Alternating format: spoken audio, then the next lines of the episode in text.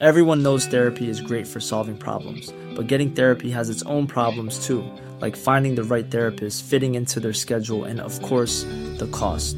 Well, BetterHelp can solve those problems. It's totally online and built around your schedule. It's surprisingly affordable too. Connect with a credentialed therapist by phone, video, or online chat, all from the comfort of your home. Visit betterhelp.com to learn more and save 10% on your first month. That's BetterHelp, H E L P.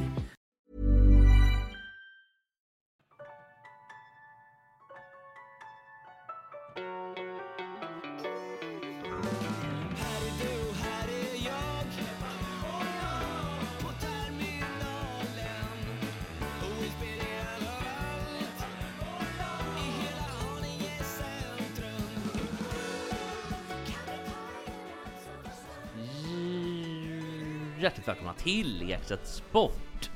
Hörrni, hur mår ni Mats? Ja, förhållandevis, Sandberg? förhållandevis punkt. Ja. och, inte, och inte bra eller dåligt då, utan bara förhållandevis? Förhållandevis punkt. Ja. Okej, och, och vad säger du Olle? Ja, det var lite, lite spännande. Vi har fått tillträde till ett landställe som jag har köpt i veckan. Och då är det där på tomten något som om man är snäll kan man ka- kallas det för utomhuspool. Ja, Och är man taskig kallar man det för en damm. Och grejen är att det är så jävla Kan man mycket... fiska där? Ja, det är ju det nästan. Att jag hoppar, den är liksom lite igenväxt. Och då när jag hoppar ner där för att försöka fixa bort massa tång och sånt där. Då dyker det ju på skalbaggar och grodor och trollsländor och sånt där. Och det vill inte jag bada i. Så jag, ska, jag frågar om jag ska ge upp och fylla den bara fylla hela skiten. alltså är det naturpool eller är den ändå stenbeklädd så att säga? Ja, men grejen är så här, det ska vara något fint och att man inte ska slänga i klor och så. Utan man, det är då en del i poolen där det är växter som ska rena och syresätta det hela. Och sen så är det ändå en liten pump så att det, så att det blir rörelse i det. Och sen så är det baddelen kanske två gånger fyra meter. Men just nu så om man går ner där så känner man liksom eh, men, alltså, vad ska man säga, bottens kreatur på fötterna. Fy fan. Alltså det, så att det är som, det är typ kaklat? Alltså det är eller någon... Ja, det är tyg. någon form av- Tygbotten i grunden. Gud vad äckligt. Det här kan du inte hålla på med. Hur ser, hur ser på, är det tygväggar också? liksom? Eller hur Ja, ser, fast det ser man inte för det är så mycket växtlighet. Och insekter Vem och kom- myggor och skit. Vem kom på den här idén då? Ja, det var på tomten vi köpte och då tyckte jag att det var lite roligt kanske. Men jag frågade hur så ni roligt la det är. ändå en 3 miljoner, eller 300 000 extra bara för den där tom, poolen säkert? Ja, det kanske var så. Ja, jag tycker du ska sumpa igen det. Eller kakla upp det i alla fall. Jag säger, fortsättning följer säger jag bara. Ja, det är bra. Eh, hörni, det har varit mycket sport idag. Och, eller idag, det var Idag? sport som vi drog förra gången. Och jag vet, du har ju ett litet gräv Matt, som jag tycker vi ska Ja, börja ett med. av enormt många gräv. Och du har alltså skrivit upp, nu, jag ska bara, för att förklara vad som det är, alltså fyra A4-lappar med en- kråkfötter som ingen annan sanslös, antar en sanslös, sanslös oordning. Ingen ordning överhuvudtaget på papper, ingen Nej. ordning på skriverien, ingen ordning på, på följande ut- utav, utav regeringen överhuvudtaget. Eh, Och det speglar mitt inre liv faktiskt. Det är en total, total eh, kaos. 92 eh, i Barcelona så var det ju Waldner mot Gassian och eh, 3-1 i set till, till Jan Waldner då. Och då satt jag och förde anteckningar, på, eh, inte under matchens gång, men före och efter. Och det såg ungefär ut så här. Så att, ja, Det känns som den sämsta OS-finalen 92. Att det var en svensk och en fransman. Ja, men det var inga kineser Det var inga som kineser var var Nej. inte med förstår du, så att det är inga Varför, japaner varför fick de inte vara heller. med? För att de var... Det, det var någon konflikt inom Kinas pingisförbund så att de ställde inte upp eh, mina gubbar i, i OS. Ja, men överhuvudtaget. då är det väl den sämsta Himmelska fridens torg var ju bara några år före också. Var inte det 89? Ja, några år före. Det är väl, några år är väl tre. Jo, jo, jo men, men, Ja, tack. men då, jag, jag vet inte om de korrelerade med varandra. kanske Men, men då i alla fall så... men då i vilket fall så, då var det väl kanske den sämsta finalen då? Ja, men sen, Gio, eh, och världsettan har ju varit bäst i världen. Gathier, jätteduktig också. Jo men det känns som att, Jean-Philippe. det känns som att Jean-Philippe inte var på samma nivå riktigt. Alltså. Waldner har aldrig varit i bättre form än vad 92 i Barcelona har han sagt. Så att eh, han lekte med Gazian i finalen och vann då med ja, 3-1. Man Jag, jag kollade upp det här, eh, hur stor Wallner egentligen är i pingishistorien, meritmässigt. För att man får ju ibland för sig att han är nummer ett. Och då kollade jag om man mäter OS-guld och VM-guld Mm. över medalj. Och jag minns inte exakt, men jag tror att han kom femma Mm. eh, överhuvudtaget. Och fyra kineser bättre då. Men Inte femma Ma-. Så han har ju varit bäst i världen. Inte Malong etta. Säkert. Men men det, det är högt ändå tycker jag med tanke på att alltså, kineserna tog ju rubb och stubb. Och jag vet att eh, Innan Waldner var det någon kines som vann tre stycken på raken, eh, VM-guld i singel. Ja, Yang Jialiang. Yang Jialiang. Han, han, är pingisens Björn Borg, sa man då, med tre raka. När Borg var på väg mot fem raka Wimbledon-titlar så var ju då Yang Jialiang på, eh, på väg att eh, också, dock, dock inte fem raka, men tre raka. Så Han följer sen ändå när, när Sverige rev muren i lagtävlingen Ja, ja. så följer ju Yang Jialiang. 89. Yang Jialiang låter som en sån här krimskramsbutik som till exempel kan ligga på det hände, Ringvägen. det hände Det det. i min favoritstad Dortmund. Så Just det. Det är min favoritstad, Är det Dortmund. för jag tycker Dortmund är en ganska trist stad. Nej, det är inte det. Det var dåligt rykte bara. Tyskland är mycket bättre än vad ryktet säger. Och Dortmund, Nej, men, nej, men Dortmund alltså- är fantastiskt. Nej, men vänta, lite, vänta lite Mats, jag måste, där måste vi ta nu. För Ruhrområdet generellt sett är ju rätt trist. Det är Nej, mycket fabriker. det är ju inte det. Men däremot eh, en pärla, Düsseldorf. Om vi bara pausar där. Eh, Mats, har du något bättre argument än att bara säga nej? Som Jag, jag kan säga så här. vad är det som är bra med jag, Dortmund? jag, jag har varit i, i, i Dortmund många gånger på pingis och, och kanot och, eh, Eh, och boxning och, och sådär. Och, och när jag och Nödin var där första gången eh, på 70-talet då, då fanns det väldigt mycket apotek och då sa vi det, det finns mycket apotek i Dortmund för att folk har, folk har sån huvudvärk här. För att det är så dåligt, mycket utsläpp ifrån alla Ruhrområdets fabriker och det. Glöcknerstahl till exempel. Men eh, under alla dessa mästerskap, när jag var på i Dortmund i alla fall, och fram till 89 så gjorde man en revolution i Tyskland. Man sanerade hela området, byggde det till en, nästan till en, Eh, en park, en biopark ungefär så, med naturresurser och där man då tog till sig eh, miljömedvetandet och så vidare. Så att Dortmund blev helt förändrat under de här åren. Ifrån ett djävulskt Ruhrområde Men det är mycket fabriker fortfarande. det är Alltså, mycket man har ju fabriker, stora men, men, men bolag de, där. Och... de, stora utsläppsfabrikerna är, är borta faktiskt. Att det är helt andra saker. Och med bilismen då, som i många tyska städer har de ju kapat bilar för, i förmån för, gång, för fotgängare och parker och sådär. Ja, men det, det har också ändrats. Alltså, Tyskland har tagit till sig väldigt mycket. Under de här åren, 89 och framåt, så, så har det hänt väldigt mycket i Tyskland. Även i Dortmund, inte bara i Berlin, utan eh, till, till människornas eh, fromma. Där fick du Jesper. Ja, men Berlin är också lite överskattat eller? Fick du så du teg nu Jesper? Ja, kanske. kanske det. Vi går, helt enkelt. Vi går vidare Mats, och du ska ju berätta om dina... Ska jag berätta? Ska jag berätta någonting? Ja, men ditt scoop här på de här tre Ja, vad- vad- papperslapparna. Berätta. Du, du har ju med dig Yang Giliang och sen, eh, det var något, nej det var något tittarsiffror var det. det. Yang Jialiang och så Dortmund så tittarsiffror också. Jag, jag trodde, Ja. förstår i min enfald, så trodde jag faktiskt att det var mest i Sverige som intresset för damfotboll fortfarande regerade. Jag tror det var som liksom, Charlotte Kalla och damskidåkning lite grann. Att det var mest i Sverige som man hyllade eh, som skidåkning som man hyllade fotboll som det var förr i världen på, på, på den gamla goda tiden när Sverige vann EM i 84 då med Pia Sundhage. Eh, Då var det ju bara Sverige egentligen och England som hade fotboll på agendan. Men nu är det ju stort. Jag tittade på tittarsiffror i övriga världen på VM som just nu avslutat. Och inte bara i Australien så var det jättefina siffror. Det här är alltså ditt gräv nu? I mitt gräv ja. Eh, Det var så här att det var 11,5 miljoner tittare som såg matchen mellan eh, England och eh, Australien. eh, Där eh, Australien förlorade. Alltså 42 procent av den största tittningen någonsin på en tv-sändning i Australien genom tiderna. I faktiskt. semifinalen där alltså? Ja, faktiskt. Att 42 procent största som någonsin har sett en match i, i Australien De är ju överhuvudtaget. jättestora damlandslaget i Ja, ja, Australien. ja, ju- vi- The Matildas. Te- ja, så, så kan man ju säga. Men, men också då så, eh, man tittade på England, tittade på BBC då, eh, vad de hade för, för siffror eh, Eh, när de mötte eh, Colombia.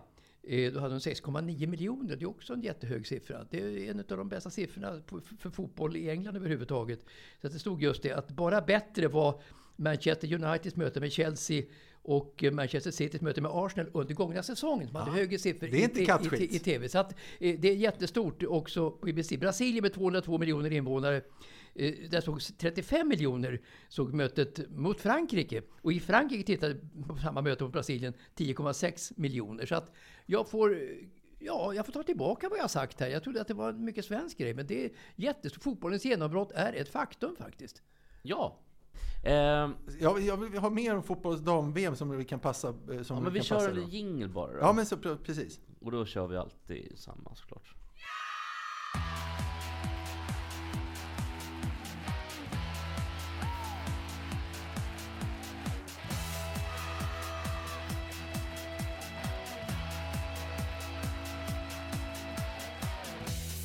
I Sveriges semi så var det 10 minuters tillägg efter Mm. matchen var då, ja, efter 90 minuter. Och i finalen så var det 14 minuters tillägg. Det är liksom det, det är bra för att visa att man kan maska sig till. Men ändå ställer jag frågan nu, är det inte dags att införa effektiv tidtagning i fotboll?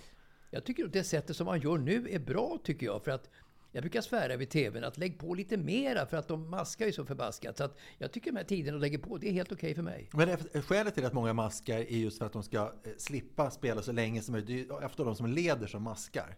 Så att, tror du inte istället att det blir färre avbrott om det är effektiv tid? För då vet de att, att de inte har någonting för att maska och ligga, ligga och åma sig och låtsas ha knäskador. Problemet är också med, med att det inte bara är tiden som förstörs när det gäller maskningar, utan det är tempot. Även om det blir effektivt så tjänar man i alla fall på att bryta upp spelet. Jag tycker, jag tycker Inte om man är ett lag som gillar att ha, fly, ha, ha ett flyga, flytande spel. Det är om man är spelförstörande som Brad Gilbert i tennis. Ja, det är det som är är man en spelare Ja, som, det- Roger Federer som vill ha flytande spel? Han Jo, men ofta är det ju de som, som är spelförstörande som också maskar. Så att det korrelerar där. Jag, jag tror ändå att det, det är ju en del av det. Alltså det är klart att tiden är, är ju också... Men, men det är ju för att det blir väldigt provocerande också. Att om du har ett flyt i spelet och så ligger någon och, och um, håller sig för knät och så har man inte ont i knät. Det där vet man ju som spelare, fast det är svårt att bevisa.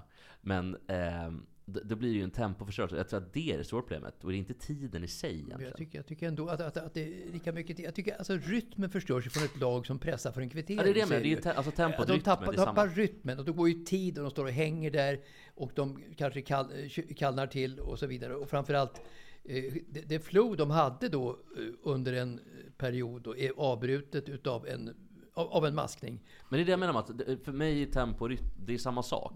Att man tappar flow, tappar flytet i, i spelet. Det är det viktiga, det är inte tiden i sig. Det väl det jag tror sant. både jag och Mats. Okej då, då säger vi så. Två mot en helt enkelt. Så där blev jag nerröstad. Nej, det behöver inte alltid vara... Är det, alltid, är det inte alltid en kamp? Är det inte alltid en Nej, strid? inte alltid. Jag tänkte på en annan sak. Eh, Caroline, Caroline Seger, det var väldigt mycket tjat om Caroline Seger. Eh, har det någonsin varit så mycket tjat om en spelare som knappt har varit med i en turnering? Det var så, och hur ska Caroline Seger, när kommer hon tillbaka? När kommer, hon?" men hon hade ju inte platsat här. Den som tog hennes plats, vem var det nu igen? Men det är inte typ så Sembrant eller Rolf? Nej, eller? det är någon bättre. Ja, det är de bättre. Någon bättre. Ja, Ja, skitsamma. men, men, men, men i det här fallet så är svaret ja. Det har aldrig hänt att någon icke närvarande spelare uppmärksammas så mycket som Caroline. Nej, vad skönt. Caroline Så fick är jag- fick jag rätt där. Det, det är svaret. Och då ska jag säga, nu, alltså nu, så, eh, nu är ändå hennes sista VM, antagligen sista landskamp överhuvudtaget. Och jag ska säga, näst, alltså, nästan lika skönt som det att slippa Annie Lööf i offentligheten, tycker jag att det ska bli att slippa Caroline Seger i offentligheten. Och det är det, Skö- Skönare med Annie Lööf tycker jag. Alltså, det är, så- jag, varje, varje morgon vaknar jag lycklig över att slippa Mm. Annie Lööf. Men alltså, men, alltså Segers Vaknar du varje morgon och tycker att det är skönt att Caroline Seger också? Ja, det- det jag, kanske jag blir så, Jag men blir så inte glad lika varje lycklig. morgon klockan sex när jag går upp. Caroline Seger är inte med längre. Ja, kanske inte lika lycklig, men glad. Det kommer ändå kännas skönt. Men jag vill då tillägga att det inte är Segers fel riktigt. Dels så kan inte hon hjälpa att hon har så otroligt ful dialekt. Och dels kan hon inte hjälpa att, att journalister ställer frågor till henne hela tiden. Jag tror Så du skulle säga att de var så otroligt ful och det hade ju varit Ja, men det har- trist. att, Jesper, så ser man inte på kvinnor? Nej, jag vet. Men det hade varit trist om du tänkte så. Ja. Nu tänkte du inte så. Nej, men, precis. men ja, hon pratar ju jättefult. Ja, men då vill jag säga lite förvånande ändå att eh, det här senaste utspelet eh, igår, hon kommenterade ju den här kyssen som den spanska fotbollsförbundets president Luis Rubiales gav den där spanska spelaren Jennifer Hermoso under prisceremonin. Att han tog hennes huvud, tryckte det mot sin mun och kysste henne på munnen. Han fick ju mycket kritik för detta, det vet ni. Men eh, hörde ni vad Caroline Seger sa om det, om det hela? Nej. Så härligt spanskt. Kul att det händer något oväntat. Det är något visst med riktiga karakarar. Men det måste ju vara ett skämt. Nej, jag skojar. Ja, ja, ja, ja, ja. Men jag kan väl tycka att det inte är så farligt i stridens hetta, glädjen över att ha vunnit ett guld. Alltså, det, det, jag kan hålla med lite det, det du sa här som inte är sant. Eh, Att, att eh, Spanien har ju en eldig tradition så att säga. Så att det är inte så oväntat för mig att det hände egentligen. Nej, inte oväntat, men det är inte bra. Nej, alltså jag tror... eh, Det var väl nästan ett våldsdåd. Ja, under all kritik. Jag har Men inte vet- sett det dock. Hon kommenterade faktiskt på det. Kan du ta fram det för att höra hennes dialekt en sista gång? Jag har inte sett det, men jag har hört om det. Nej, det är fruktansvärt. Det är oacceptabelt såklart. Det är, nej, det är oacceptabelt. Men alltså, okej, det är fruktansvärt oacceptabelt. Men alltså, hör, ni, hör ni energi, alltså bristen på energi i rösten? Tänk, tänk om man skulle vara sambo med henne, om man kommer hem så här, hallå, hej. Ja, hon är väl tillsammans med hon Oli- Olivia Skog, tror jag. Ja, Olivia Skog kommer hem då. Hallå, hej, jag har tränat. Hallå, Ja. har du med dig mat här? För jag orkar inte laga. Har du köpt den i palsternacken jag frågade om? Alltså det är så jävla trist Ja, men nu alltså. var det kanske sista gången som vi hörde hennes röst. Fyra äggplantor och en tomat Hon har, hon, har, hon, har varit mycket till, hon har varit med mycket till leda, ja. Men hon började ju också med, jag har inte sett det. Ja. Eller jag har bara hört om det. Men det är ändå fruktansvärt oacceptabelt. Jag tror utomlands så ser man nog inte på det svenska viset på den där grejen. Det Nej, inte i. Sydeuropa kanske, men det innebär ju inte att de har rätt. Nej. Alltså, i, I Spanien tror jag inte det är någon folkstorm mot det där. Det är jag övertygad Och om. jag, jag säger det återigen, till 99,9% tror jag också att, så tycker väl jag också att, eller så här, om det nu var så att han har gjort det där och hon inte ville det, så är det ju såklart totalt oacceptabelt och fruktansvärt. Jag håller med, men visst hade det varit kul och oväntat om Caroline Seger hade gått ut, lämnat den svenska mediascenen så liksom som en smäll som manschauvinist. Ja, det har varit väldigt oväntat. Det gjorde mig lite... Oj, nu, nu ringer... Vet du vad? Ta samtalet. Det, du är sen- alltså Björn Rosengren, gamla boxarbasen som Ja, ja. ringer till Mats Strömberg. Jag, Ring! jag, ringer tillbaka. jag, jag, vet, vad- jag, vet vad, jag, vet vad, jag vet vad det handlar om. Jag kan berätta så här mycket. Alltså Björn Rosengren och jag har en historia ihop. Eh, Den gamla Inte på, det, inte på det här spanska sättet som spanska Nej, tränare, in- förbundsbasen har med spelarna. Har ni varit i Dortmund då, eller? Inte, inte riktigt, inte riktigt. Inte riktigt, men, men jag ordnade faktiskt en boxningsfight en gång mellan Lillen Eklund och eh, Roger Andersson. Eh, när- Vänta, nu, det här vill jag ändå kolla Mats. Har, har du varit en promotor Just det. i box? Just det. Du och Mogens Palle, de- Nordens Ja, största ja. promotorer. Hur visste du det? Ja. Men, men, men jag ordnade de matcherna faktiskt. Men det var utom förbundets kontroll då, så att han var gramse på mig, Björn Rosengren. För att han stoppade där med, med ett nytt eh, lagförslag naturligtvis då. Att, att en privat, privatperson kunde ordna matcher mellan Lillen och Roger i folkparkerna.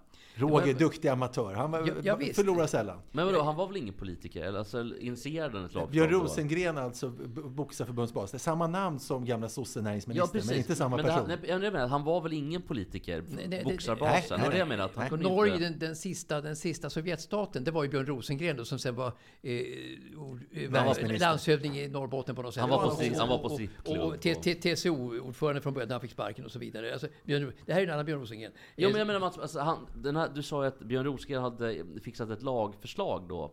Och lagstiftning. Men han var väl ingen, han var väl boxningsbas? Han var ingen politiker? Det var så jag menade. Nej, men alltså förbundet satte ju stopp för den här typen av matcher. Att en privatperson kunde or- ordna matcher, det fixade de på nolltid. Det, det får man bara inte göra. Det hade man inte tänkt på. Det var, det var fel i, i deras... eh, Mats menar alltså lager inom, inom, fo- inom Alltså, in- boxningen. in- Jag Inom boxningen. förstår. Inom boxningen. Jag förstår. Men, men det var kul med Lillen och Roger. De gick ju tre matcher inför OS 1980 då. Vem som skulle representera Sverige. Och eh, när det var då, eh, fixade de matcherna så inför eh, det var faktiskt på, det var sommaren 1980 efter OS ja, som de här matcherna gick av stapeln faktiskt på olika ställen i Sverige. Tre matcher var det. Eh, Så att, eh, uppvisningsmatcher. Så att det, var, det var kul. Nu är båda döda faktiskt, både Lillen och Roger. Ja. Tyvärr. Men var Roger Andersson från Stockholm? Han var stockholmare. Jag undrar om inte han... Om han alltså jag vet inte om han kände min farsa eller inte. Är han från Gröndal? Just det! Han Ja. är från Gröndal. Då har nämligen jag och min pappa, eh, att Ro- jag och min pappa, eh, jag och min, jag, inte jag och min pappa och Roger, utan min pappa och Roger har varit ute och vandrat och haft jättekul. De har gick i skolan tillsammans och grejer. Men sen, han är väl 58 eller 59, så, så dog han eh, för kanske 10 år sedan. Ja, vad, vad dog han av? Ja, han fick... Han fick en någon- stroke va? En Ja. alltså hjärnblödning typ. Ja, ja, det fick En han. tia typ. Alltså, Ja, jo, det fick han. Han fick en hjärnblödning och, och, och avled vid ganska, vid ung, ung, ung år. Han var född 57 tror jag, och sånt där. ja, så kanske det var. och, och vad heter det, Lillen dog utav hjärtbesvär. Och- Lillen dog ju ensam hemma i Gävle och jag vet att bara något år före det så var det lite roligt för att då eh, gamla skattehuset, Skatteskrapan på Götgatan i Stockholm. Jag har en kompis som gjorde ett byggjobb tillsammans med Lillen där. De höll på du, du, du, så här, sprängde sten du, du, du, utanför för att dra ner. Och det roliga är att, att eh, de jobbade svart när de skulle bygga om Skatteskrapan. Det är lite roligt. Men det, alltså, Nej, han, han dog i Gottsunda. Alltså, han hade en lägenhet Ah, okej. där. Han blev utkastad hemifrån ifrån, ifrån, I Uppsala då, Nej, alltså? I, i, I Gottsunda bodde han ensam. Han, Han kom, från Gävle va? han kom från Gävle. Han, han blev tvungen att avliva sin hund. Han blev utkastad hemifrån utav sin fru. För att han kunde inte ha den stora hunden i Gottsunda i en liten etta där. Så att det var tragiskt gånger två för lillen. Ja, vad tråkigt. Dels utkastad, dels göra sig av med hunden. Sen hade han svårt att få snickerijobb. Han var bluegrass eh, artist också. Eh, och sådär, lite countrygubbe. Men, men kändes som att spe- spelarna hade tagit honom ganska hårt va? jo, han fick mycket stryk. Mycket stryk av Bruno 85, alltså Frank Bruno. Ja. Roger Andersson Inte, då? inte Fredrik Reinfeldts pappa Bruno Reinfeldt, utan Frank Bruno. Har inte de haft problem, Fredrik och Bruno? Att, Jo, att Bruno det var skar sig. Bruno är ju död, men det skar sig. Bruno var ju en belastning för Fredrik genom att han i Täby var någon så alkoholiserad politiker Just tydligen det. Bruno. Ja, just det, han var, ju- han var ju, precis som du sa, Ja, alkoholiserad visste- lokalpolitiker. Fan, så, att- så Fredrik fick skämmas för honom. Jag visste att han var alkad på något sätt. Ja, eh, men okej. Roger Andersson i alla fall, kompis till min pappa. Trevligt. Som vi förra veckan konstaterade var lite, inte riktigt alla hästar hemma, men det har vi släppt nu. Vi konstaterar men- inte, utan Olle föreslog Men- att han var lite debil. Kort, om, kort om Roger, var en Gröndalskille och sådär. Och han var alltså kung i Eriksdalshallen, eller var mycket galen på den tiden i boxning. Så att han var en idol för Stockholms eh, grabbar överhuvudtaget. Och han var också intellektuell. Han skulle bli, han skulle bli eh, revisor och blev det också tror jag. Han pluggade för det och han skulle bli det. Så det var intressant. Det låter mer tråkigt än intellektuellt om du frågar mig. Jo, men revisor. i, i, i boxningsperspektivet intellektuellt. Mike Tyson att, är inte revisor. Att, att, att vara revisor, det var det. Så att han, han, han avgränsar sig kanske från den gängse bilden av en boxare faktiskt, som en eh, kassaskåpssprängare och så vidare. Och det, det är väl också bra för... eh, Det, det motbevisar ju din tes om att min farsa är lite debil. I och med att han var kompis med en intellektuell Roger Andersson. Ja, oj, oj, oj. Att han stod ut, den, den enormt intellektuelle Roger Andersson, han stod ut med din farsa ens fem sekunder. Det bevisar ju allt. Jag hade fel. Jag blev också lite rörd för min farsas skull. För att han har väldigt svårt att visa känslor pappa, som folk i den eh, generationen har. Även du Ola har lite svårt att visa känslor. Eller väldigt svårt att visa känslor. Och eh, då eh, så blir jag rörd, för jag vet att det där tar mycket hårdare än vad, det, än vad man märker. Men han visar liksom ingenting. Jag kan visa skadeglädje. ja, men inte det, inte det, det är samma låda då. Ja, man kan visa känslor, man kan visa skadeglädje. Skad, Och sådär. skad, skadeglädje, det är signum för Sveriges Radio. Eh, en annan grej då. Damerna har ju varit eh, i ropet nu, men även herrarna är ju igång. Och eh, en klubb som kanske dock inte har varit igång så mycket är klubben Malaga. Eh, Det är, det en, det- ibland ligger de i högsta serien i spanska ligan i fotboll, ibland inte. Ibland de lig- hoppar upp och ner där. ja, och ibland ligger Spaniens sjätte stad tror jag för övrigt, Malaga. de... Jag tror, jag tror att det till och med är femma. Okej. Nu måste vi kolla det Fan, bara. Ja, vi För måste kolla det. Fan också. Fan också. Jag ska se, eh, Kommer jag visa känslor om jag har fel?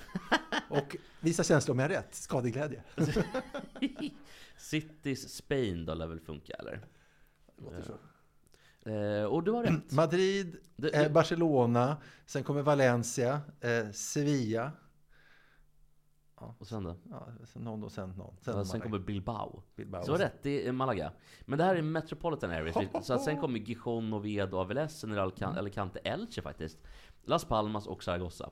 Men eh, Malaga då i alla fall ehm, ligger inte nu i den högsta serien. Jag tror man ligger i segundan. Men som du sa, ibland ligger man i högsta, ibland ligger man i deras eh, division... Inte då segunda, utan man ligger till och med i division 2B. Dridotta. Ja, nå- något sånt. Något, något sånt. Men för ett, par år sedan, för ett par år sedan var man ganska bra. Nu är man inget bra längre. Och i år har man inte gjort en enda värvning. Av ekonomiska skäl, eller vad beror det på? ja, det finns liksom inte så mycket pengar och eh, klubben har väl inte fått ordning på det helt enkelt. Så supportrarna har tagit det, det, det hela i egna händer. Och eh, haft en väldigt kreativ protest. Man har protesterat väldigt kreativt. Och man tar sig då till flygplatsen i Malaga. Eh, och så låtsas man som att första bästa turist är en ny spelare. Så man trycker upp tröjor, fixar namnet och så står man liksom och så får de kyssa klubbmärket och grejer. Det låter ju som dolda kameran lite, som en sån här prank. Ja men lite så. Så att det, det kom en bild nu, eh, det här är, eller film, och det här är inte så kul att, att visa. Men jag, jag får ju berätta helt enkelt. Men då är det en asiatisk herre som kanske inte är så van vid fotboll, verkar det som. Och han fattar ingenting. Och han tvingas då att stå med den här tröjan. Det kan man förstå att han inte förstår. Ja, det, jag hade inte heller fattat naturligtvis. Men, men som det, det, då stod han där och, och så han fick liksom signera och kyssa klubbmärket och fick sitt namn skrivet. Eh, och då gör man det liksom som med, dagligen för att eh, som protestera. Det var ju roligt. Ja, och det är absolut inget så aggressivt eller så, utan man gör det bara som en... eh, Och vad säger kul- klubbledningen? Vad säger han, spanske förbundsbasen som, som tvångskysste kvinnan på eh, läpparna? Han är förbannad. Att, han försöker stoppa det här. Nej, utan de, de har inte sagt någonting än. Inte vad jag vet i alla fall. Utan jag tror att man, eftersom det är en sån fredlig protest, så tror jag inte att det kommer bli det. och Det är också sagt, det här är ju roligt att de gör så här än att de är aggressiva. There's never been a faster or easier way to start your weight loss journey than with PlushCare. PlushCare accepts most insurance plans and gives you online access to board-certified physicians who can prescribe FDA-approved weight loss medications like Wigovi and Zepbound for those who qualify. Take charge of your health and speak with a board-certified physician about a weight loss plan that's right for you. Get started today at plushcare.com slash weight loss. That's plushcare.com slash weight loss. plushcare.com slash weight loss.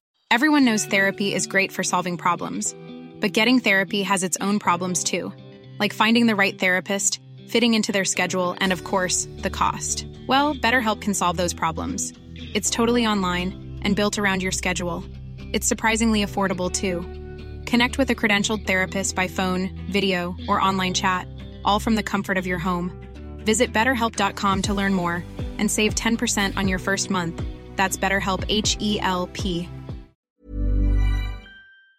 Verkligen. Eh, jag tänker att vi eh, går vidare med en annan grej.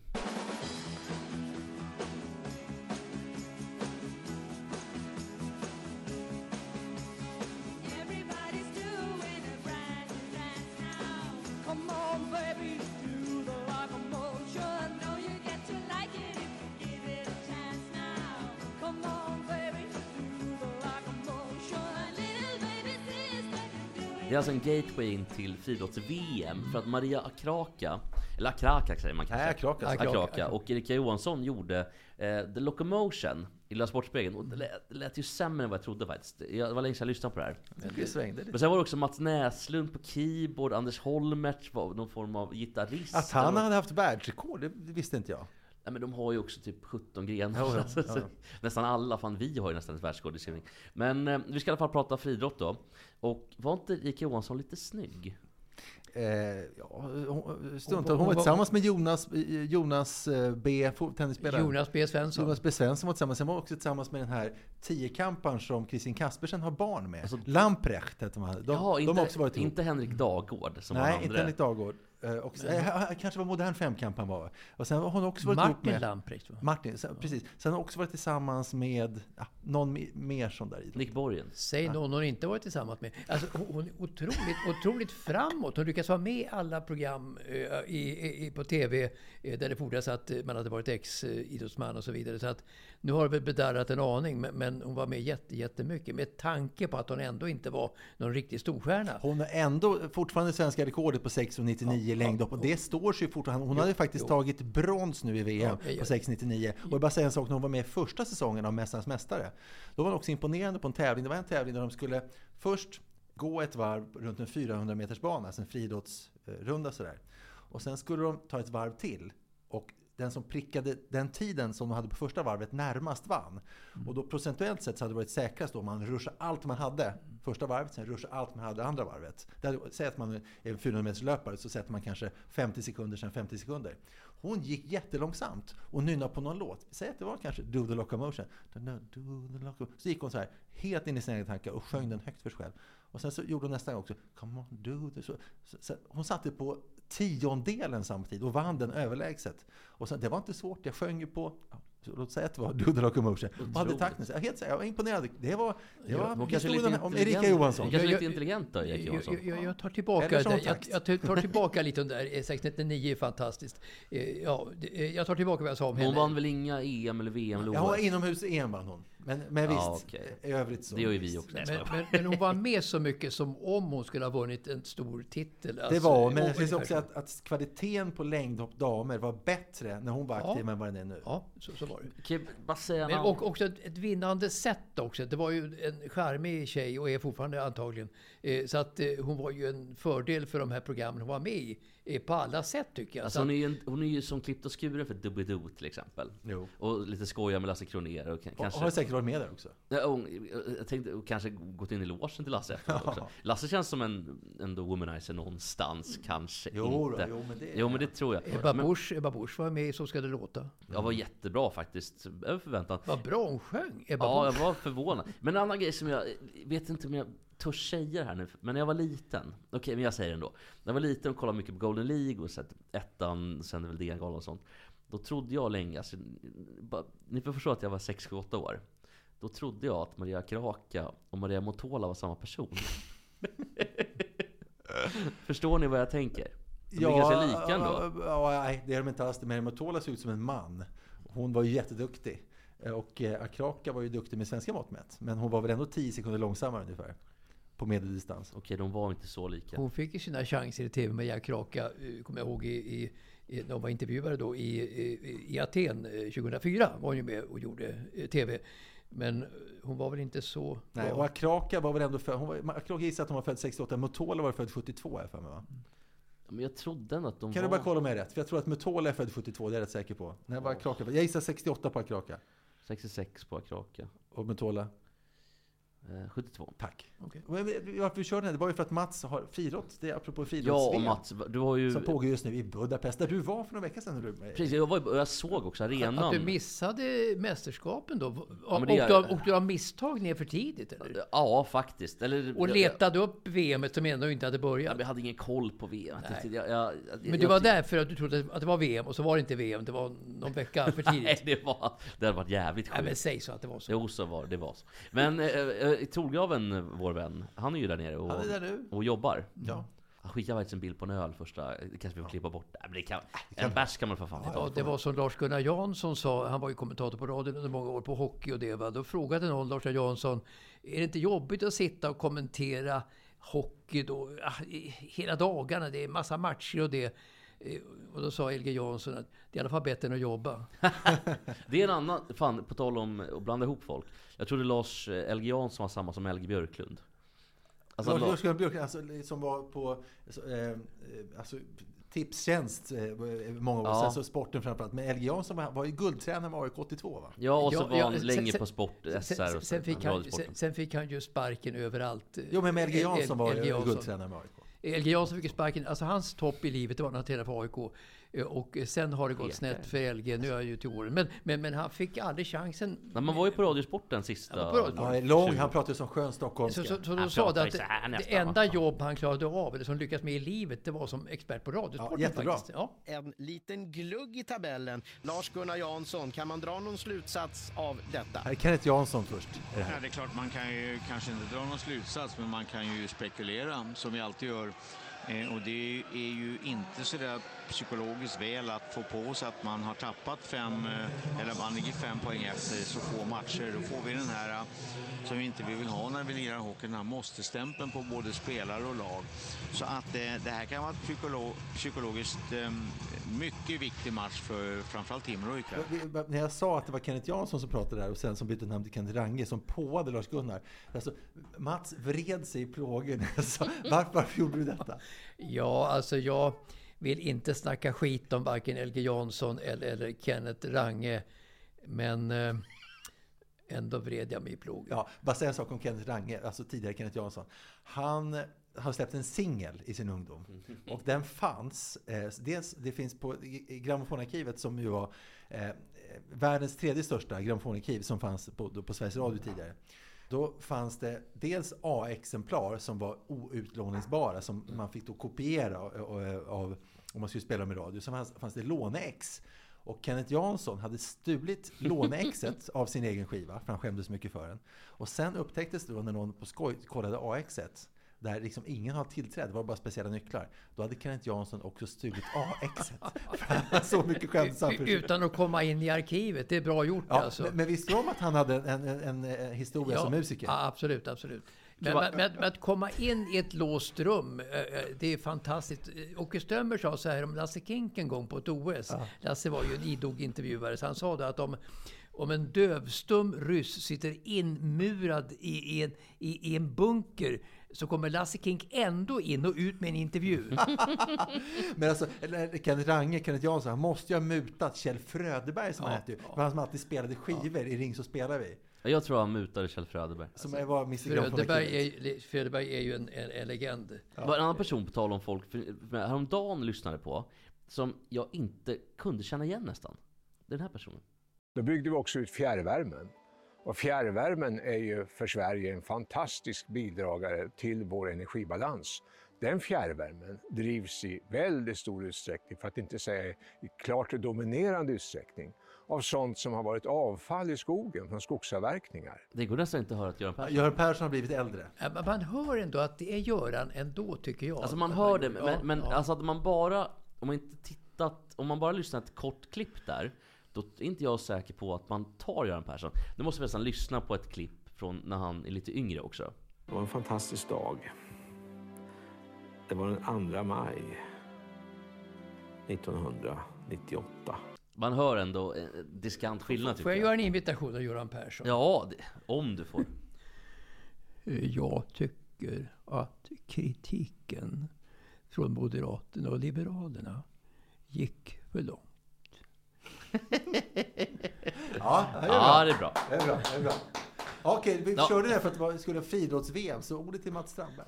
Eh, ju- Just det, jag, har noterat ändå att eh, eh, vi pratade om damfotboll, det hade jag komplett fel. Jag tänkte att det kanske var inte så stort utomlands. Men i friidrott så tror jag heller inte att intresset är stort alltså ute i världen som man ska tro eftersom det är en, en global idrott, egentligen friidrott.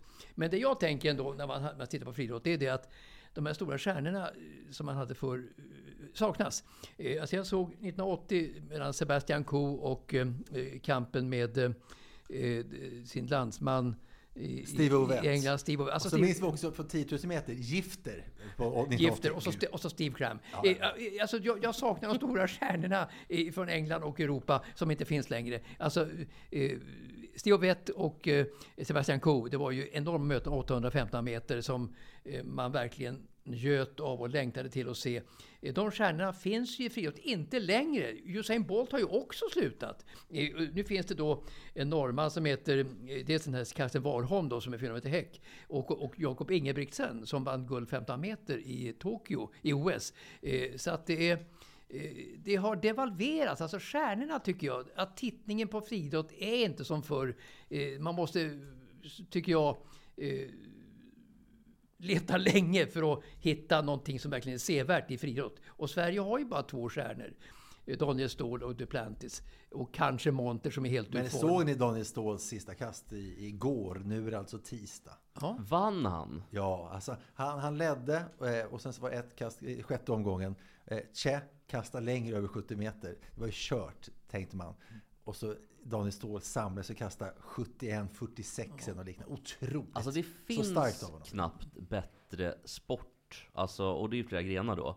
Men det finns nästan ingen sport som har så mycket grenar som är så intressant som, och kul som friidrott. Och se de här sista kasten och s- som jag har visat förr då när, när Hisham El Grouch eh, går, går om i sitt sista lopp. Fortfarande världsrekord.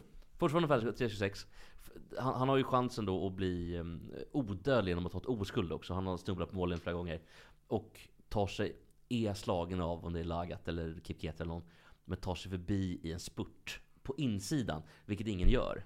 Så Men- det men- är friidrott. Det är nog Lagat, för, för Kipkete var 800. Men, men, det, jag, jag, men jag har ändå... eh, Född 72. Jag har ändå älsk, älskat friidrott eh, över mycket annat och så vidare under många, många år. Jag- verkligen, jag jobbar med friidrott också.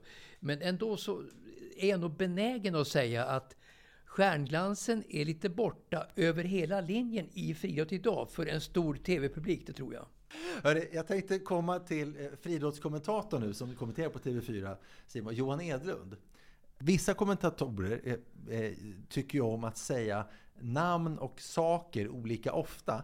Jag, ni får hjälpa mig att fylla på. Jag kan bara då säga att Göran Zachrisson, den numera avlidne golfkommentatorn, han älskade att säga att Robert Karlsson kom från Katrineholm. Han kunde aldrig få nog av att säga Katrineholmssonen. Katrineholm, Katrineholmssonen. Allt, alltid Katrineholm. Så har vi Arne Hegerfors, VM 87 i hockey. Han älskar att säga Wienerstadthalle. Han sa ju det alltså 15 gånger per sändning. Wienerstadt, han älskar. Och dessutom älskar han att säga, kommer du ihåg hockeyspelaren Desjardins? Eh, Erik Mm. Desjardins som spelar Mm. Montreal bland annat. Mm. Hegerfors älskade att säga Desjardins. Och You Cool. Ja, You Cool. Och det var fler namn han inte kunde säga ordentligt. Då lät det alltså som du är cool. Ja, fast var Alan, Joe Alan. Shearer sa Alan också. Shearer, Ah, ja. just Just. Men har ni några fler exempel på kommentatorer som älskar att säga vissa namn? Har Vissa- han Brandau, kommer du ihåg? Henrik Jönsson, Ja. Brandau Jönsson. Ja. Han sa alltid Maracana, det är den här eh, Just det. eh, stadion i, I eh, Rio. i Rio ja. Det sa han obefogat ofta. Niklas Holmgren eh, har ju också den, och det är vissa, det är Sala till exempel, älskar Nej, han säger- Robertson gillar han också. Han säger också, vad heter det, Niklas Holmgren säger också väldigt mycket om eh, Allison, Allison, Allison. Ja, men det är vissa namn där som man... Det är också, han brukar också säga Skotten MacArthur. Jag tänker på Lasse Kink, din gamla kompis, som också... äh, ja, Lasse Kink, han, han älskar att säga stallbacken, han rapporterar från, från, från trav. Här på stallbacken! Ja, ja, men mer vet jag inte. Det var jävligt kul. Vilka, Men eh, bara säga så här, dessa tjatningar som vi har nämnt nu, de är bara en västanfläkt eh, om man jämför med vad, vad som har hänt nu. För de har alltså nått sin överman i Johan Edlund som kommenterar friidrotts-VM nu på TV4. Jag har följt sändningarna väl och eh, i damernas sjukamp som av, eh, avgjordes under två dagar under dessa två dagar så nämnde Johan Edlund ett namn med en sån frekvens att det var helt makalöst. Det är omöjligt att spela upp alla gånger för det, var under, liksom, det är under två dagar. Så det, det, det låter sig inte göras. Det skulle ta upp hela vår programtid. Men jag har tagit ut en liten sekvens som är helt oklippt. Som visar lite grann då hur mycket Johan Edlund älskar att säga just det här namnet. Ska vi lyssna?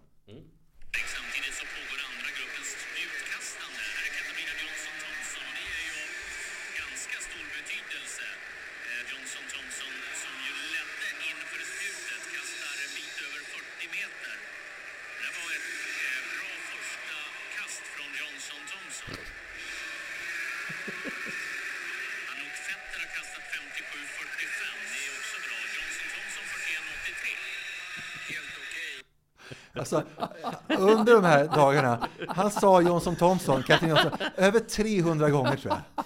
Det är helt otroligt. alltså, kunde, kunde han inte ha... Hon måste ju rimligtvis ha någon sån här... Hette hon Catherine Ja, Johnson? hon vann också sen till slut. Alltså CJT?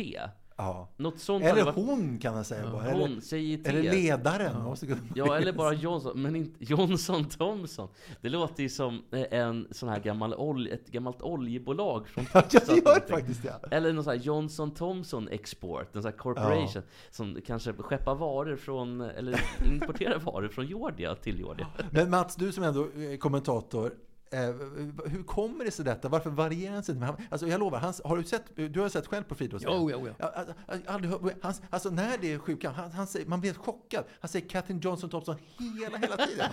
Och, hur, han måste märka det Men det själv. kan väl vara så att man på något sätt som, eh, som kommentator känner väldigt varmt för vissa ögonblick som händer i sporten och för vissa namn och så där, vissa arenor och sådana saker som man gärna vill, vill återupprätta. Eller, ja, för sig själv, det känns bra att säga det bara. Men bara för säga, man förstår ju lite för att det är kul, Katrin Johnson Thompson, det rimmar ju, det ligger rätt bra i munnen. Och med andra namn då, som ligger bra i munnen, om jag tar eh, vad, skulle ligga bra? Vi var inne på någon tidigare, pingspelaren Jean-Philippe Gaffier, är det kul att säga? Ja, Jean-Pierre. Papin, fotbollsspelaren, ligger bra Ja, men också Barthes och sådana namn bra. Alltså alla franska. Även Boris Becker sitter ju också Boris bra. Becker. Och golfspelaren Mark McNulty. Just det.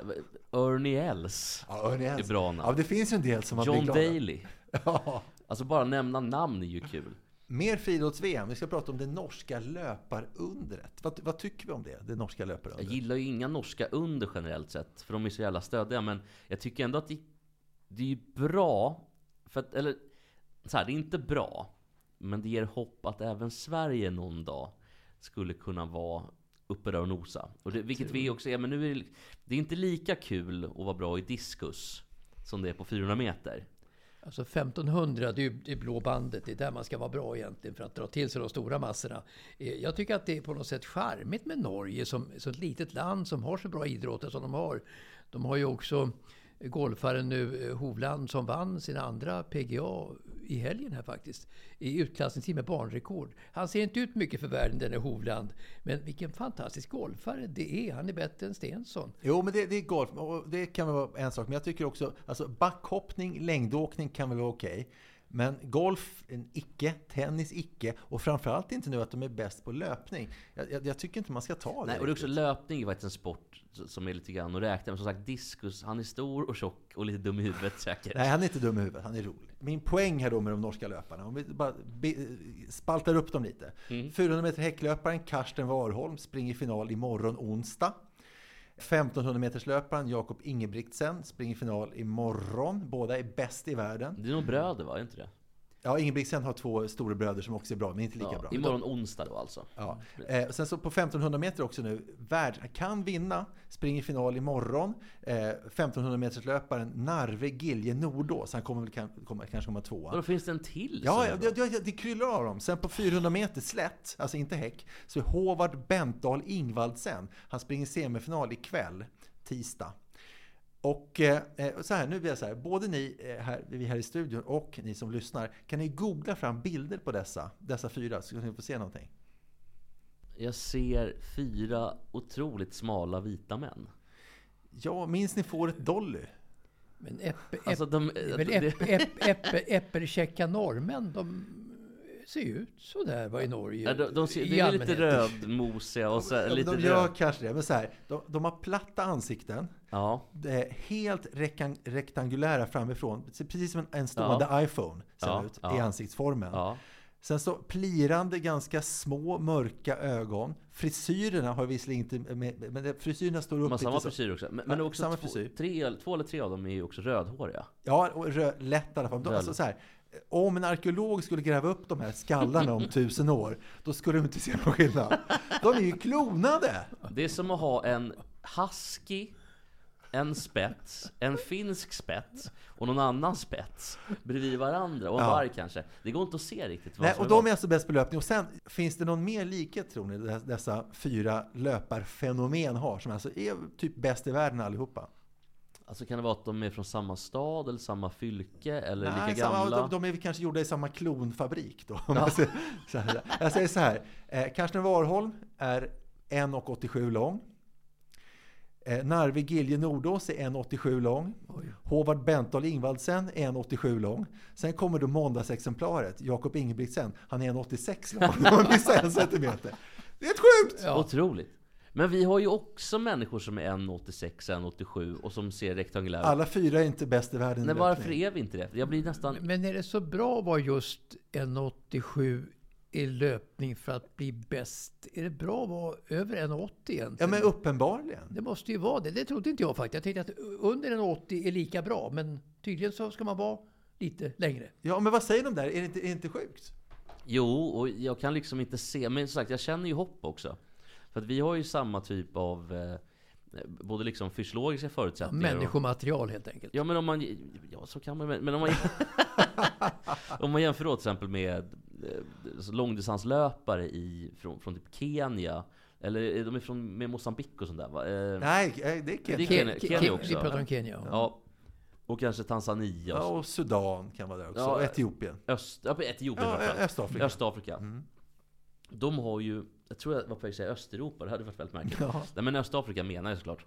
Eh, de har väl någonting, att de har långa hälsenor, va? det är väl någonting sånt va? Nej, men de har, väl, de har ju alltså, västafrikaner som är bäst på sprint. Också har korta de, häls- Som också de amerikanska, alltså USA, eh, sprintersen kommer ju där, är ju ättade därifrån. De har ju korta muskelfibrer, Ja, snabba, precis. men de har långa i Östafrika. Ja men det exakt, så att det finns ju ändå, och uppenbarligen nu så har ju norrmännen också rent evolutionärt Har de också fått lång, lång- långa- långa muskelfibrer. Kan det vara? Det borde vi ha också i så Ja, fall. menar om, att vi- om norrmän har det. Så att då, då finns det ju hopp. Det finns ju hopp för allt. Mm. Och Hovland nu som är duktig i golf. Och, Men norrmännen de åker ju åtter kring oss just nu. Alltså norrmän är ju i alla fall sedan flera år tillbaka, inte bara i skidor och backhoppning och alltihopa det där framstående. Men och det kanske passar norrmän bättre med löpning än vad gör för svenskarna. Det är jag övertygad om. Så kan det vara. Eh, Jesper, ska vi ta med rasbiologi eller nöjer vi oss med den? Vi, vi får se hur vi gör med den. Eh, Hörni, eh, vi har kommit till vägs ände. Och, Vad tråkigt ändå. Ja, det är trist. Och nästa... Ska vi dra in åren? Ja, vi måste göra det nästan. Eh, vi kan vara transparenta och säga att nästa vecka är jag i Dallas. Så vi Då ska- blir det bandat. Tack för idag kära lyssnare. Tack. Vill, vill ni fortsätta eh, att eh, stötta oss och att vi, ska, att vi kan driva den här podden för det är inte, det är inte gratis. Då får ni bli patrons på Ekstedt podd eh, på Patreon. Och eh, tack för att du lyssnade. Hej!